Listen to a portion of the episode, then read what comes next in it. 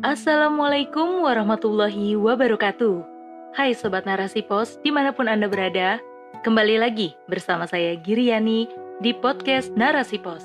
Narasipos.com, cerdas dalam literasi media, bijak menangkap peristiwa kunci. Rubrik Syiar.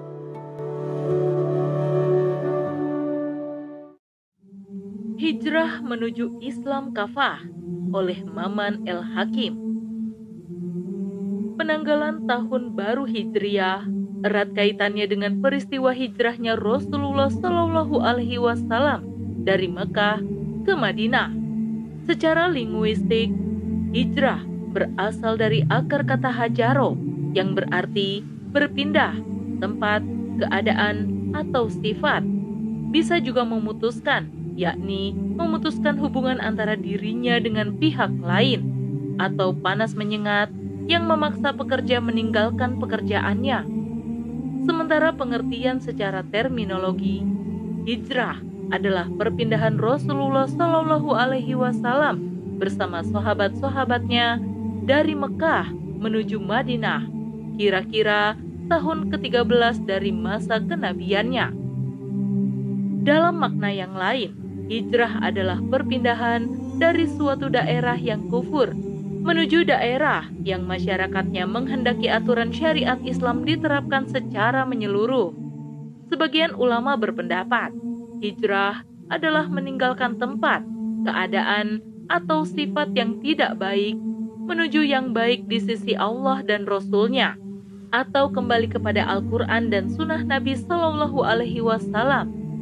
Mereka yang berhijrah tentu meninggalkan segala macam kesenangan yang sifatnya duniawi semisal harta benda, tahta, dan orang-orang yang dicintainya. Niat berhijrah harus atas dorongan nilai keimanan dan ketaatan pada syariat Islam, karena hijrah itu sendiri merupakan fase perubahan pengaturan kehidupan, bukan sekadar membangun suasana keimanan. Dengan kata lain, hijrah adalah bergeraknya orang-orang beriman yang ingin menjemput kebahagiaan hidup di dunia dan akhirat dengan diterimanya kekuasaan dari orang-orang yang menjadi ahlu nusroh, yakni para penolong agama Allah Subhanahu wa Ta'ala yang memiliki legitimasi kekuasaan dari rakyatnya.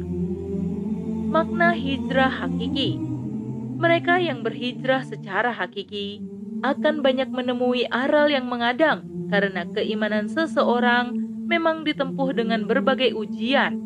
Hanya mereka yang istiqomah dalam dakwah yang mampu keluar dari zona nyamannya menuju tantangan yang akan lebih menaikkan kualitas iman dan amalnya. Namun, semua ujian jika dilalui dengan sikap yang sabar, maka akan membuahkan manisnya iman dan bahagianya hidup dalam aturannya. Allah Subhanahu wa taala menyatakan dalam Quran surah An-Nisa ayat 100 yang berbunyi, "Dan barang siapa berhijrah di jalan Allah, niscaya mereka akan mendapatkan di bumi ini tempat hijrah yang luas dan rezeki yang banyak.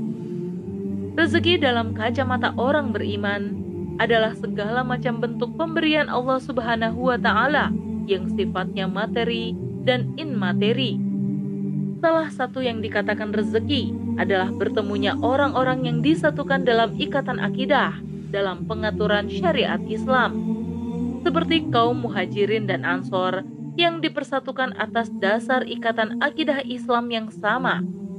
Di antara mereka, saling menguatkan hati dan tolong-menolong dalam menghadapi setiap kesulitan hidup di awal terbentuknya daulah Islamiyah.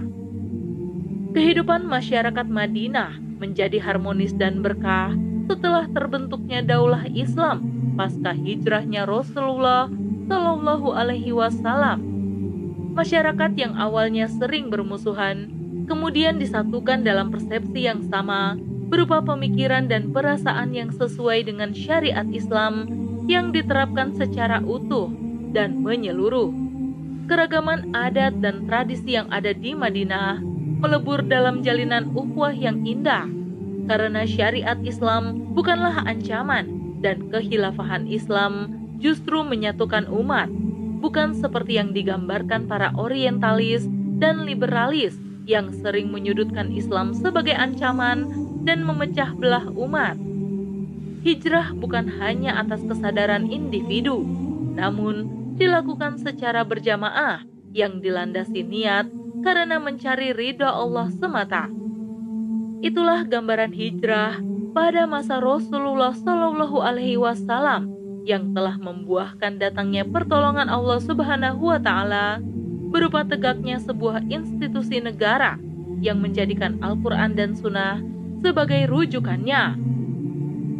Gambaran kehidupan Islam Kehidupan Rasulullah Shallallahu Alaihi Wasallam di Madinah bukan semata-mata menyampaikan risalah Islam dalam kapasitasnya sebagai nabi dan rasulnya, melainkan pula sebagai kepala negara yang tampak dari aktivitasnya dalam memutuskan perkara, semisal menjadi hakim atau kodi, saat terjadi perselisihan di antara rakyatnya, termasuk mengangkat Ali bin Abi Thalib, Muaz bin Jabal, dan Abu Musa al-Ash'ari sebagai kodi di Yaman.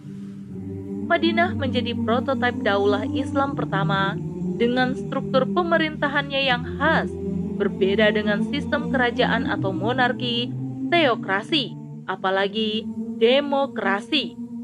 Secara struktur, Rasulullah Shallallahu Alaihi Wasallam mengangkat Muaz bin Jabal menjadi wali setingkat gubernur di Janat.